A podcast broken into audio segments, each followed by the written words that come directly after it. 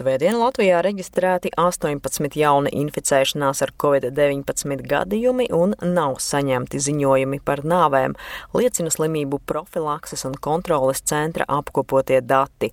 Dienaktīvi veikto testu skaits pārsniedz 3,5 tūkstošus un no tiem pozitīvs pusprocents. Pagājušajā nedēļā vakcinēšanas pret covid-19 temps Latvijā ir turpinājis samazināties un bijis zemākais kopš aprīļa otrās puses. Uz Nacionālā veselības dienesta datiem atsaucas Leta.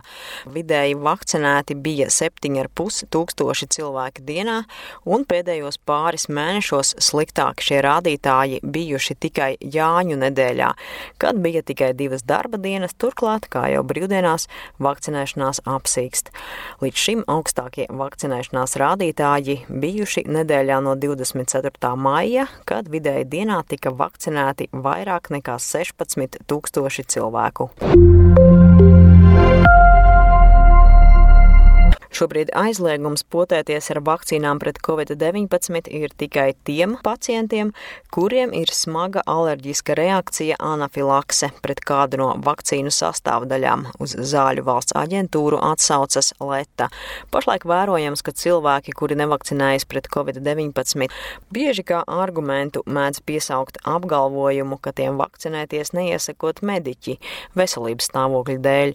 Tā piemēram Latvijas izglītības un zinātnes darbi darbinieku ārotbiedrība paziņojusi, ka iestājas pret obligātu vakcināciju pret covid-19, jo vairums pedagoģu, kuri joprojām kavējas saņemt vakcīnu, šādi rīkojoties nevis ideoloģisku iebildumu dēļ, bet nespējot rast atbildes par individuāliem ar veselības stāvokli saistītiem jautājumiem un par vakcīnu ietekmi uz katra konkrētā cilvēka veselību ar tikai viņam raksturīgajām diagnozēm.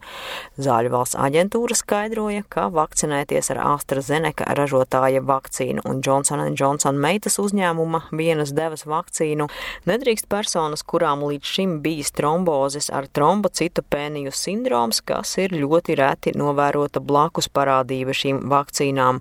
Vakcīnu AstraZeneca arī nedrīkst lietot, ja iepriekš diagnosticēta ļoti reta slimība - kapilāru caurlaidības sindroms.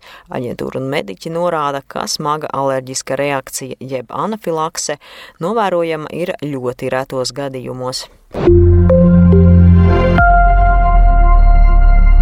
Gan Latvijas mediķu, gan atbalsta personāla attieksme pret covid-19 vakcināciju aptuveni 77% gadījumu ir pieņemoša un atbalstoša, secināts Rīgas Stradiņa Universitātes pētnieku veiktajā aptaujā. Vispieņemošākā attieksme konstatēta ārstiem. 92,6% aptaujāto ārstu norādīja, ka viņi ir vakcinēti vai vakcinēsies tik līdz tas būs iespējams. Vētījot respondentus respondentus pēc izglītības līmeņa, Stradiņa universitātes pētnieki novēroja tendenci, jo augstāks izglītības līmenis, jo pieņemošāka attieksme. Augstākie rezultāti bija respondentiem ar maģistra vai ārsta grādu un respondentiem ar doktora grādu. Tikmēr Lielbritānijas maisaimniecību bagātība pandēmijas laikā ir augusi par 900 miljardiem mārciņu, un lielākā daļa no šīs naudas nonākusi valsts turīgāko iedzīvotāju rokās. Atsaucoties uz Resolution Foundation pētījumu, raksta Bloomberg. Šis skaitlis ir daudz lielāks nekā Anglijas bankas aplēses par to, cik daudz naudas patērētāji ir akumulējuši ierobežojumu laikā, kad slēgti bija lielākā daļa veikalu un nenotika ceļojumi ceļojumi. Tas kārtējo reizi apliecina augošo bagātības un ienākumu nevienlīdzību. Vidējā Lielbritānijas ģimene tagad ir par 7800 mārciņām, jeb 9115 eiro bagātāka nekā pirms pandēmijas, neskatoties uz smagāko ekonomikas recesiju 300 gadu laikā, lēš eksperti. 10% bagātāko ģimeņu bagātība augusi visstraujāk par vairāk nekā 50 tūkstošiem tūkstošiem mārciņu. Savukārt nabadzīgākajā segmentā naudas apjoms audzis vien par 86 mārciņām. Covid-19 dienas apskatu sagatavoja Laura Dzērve, portāls Delfi.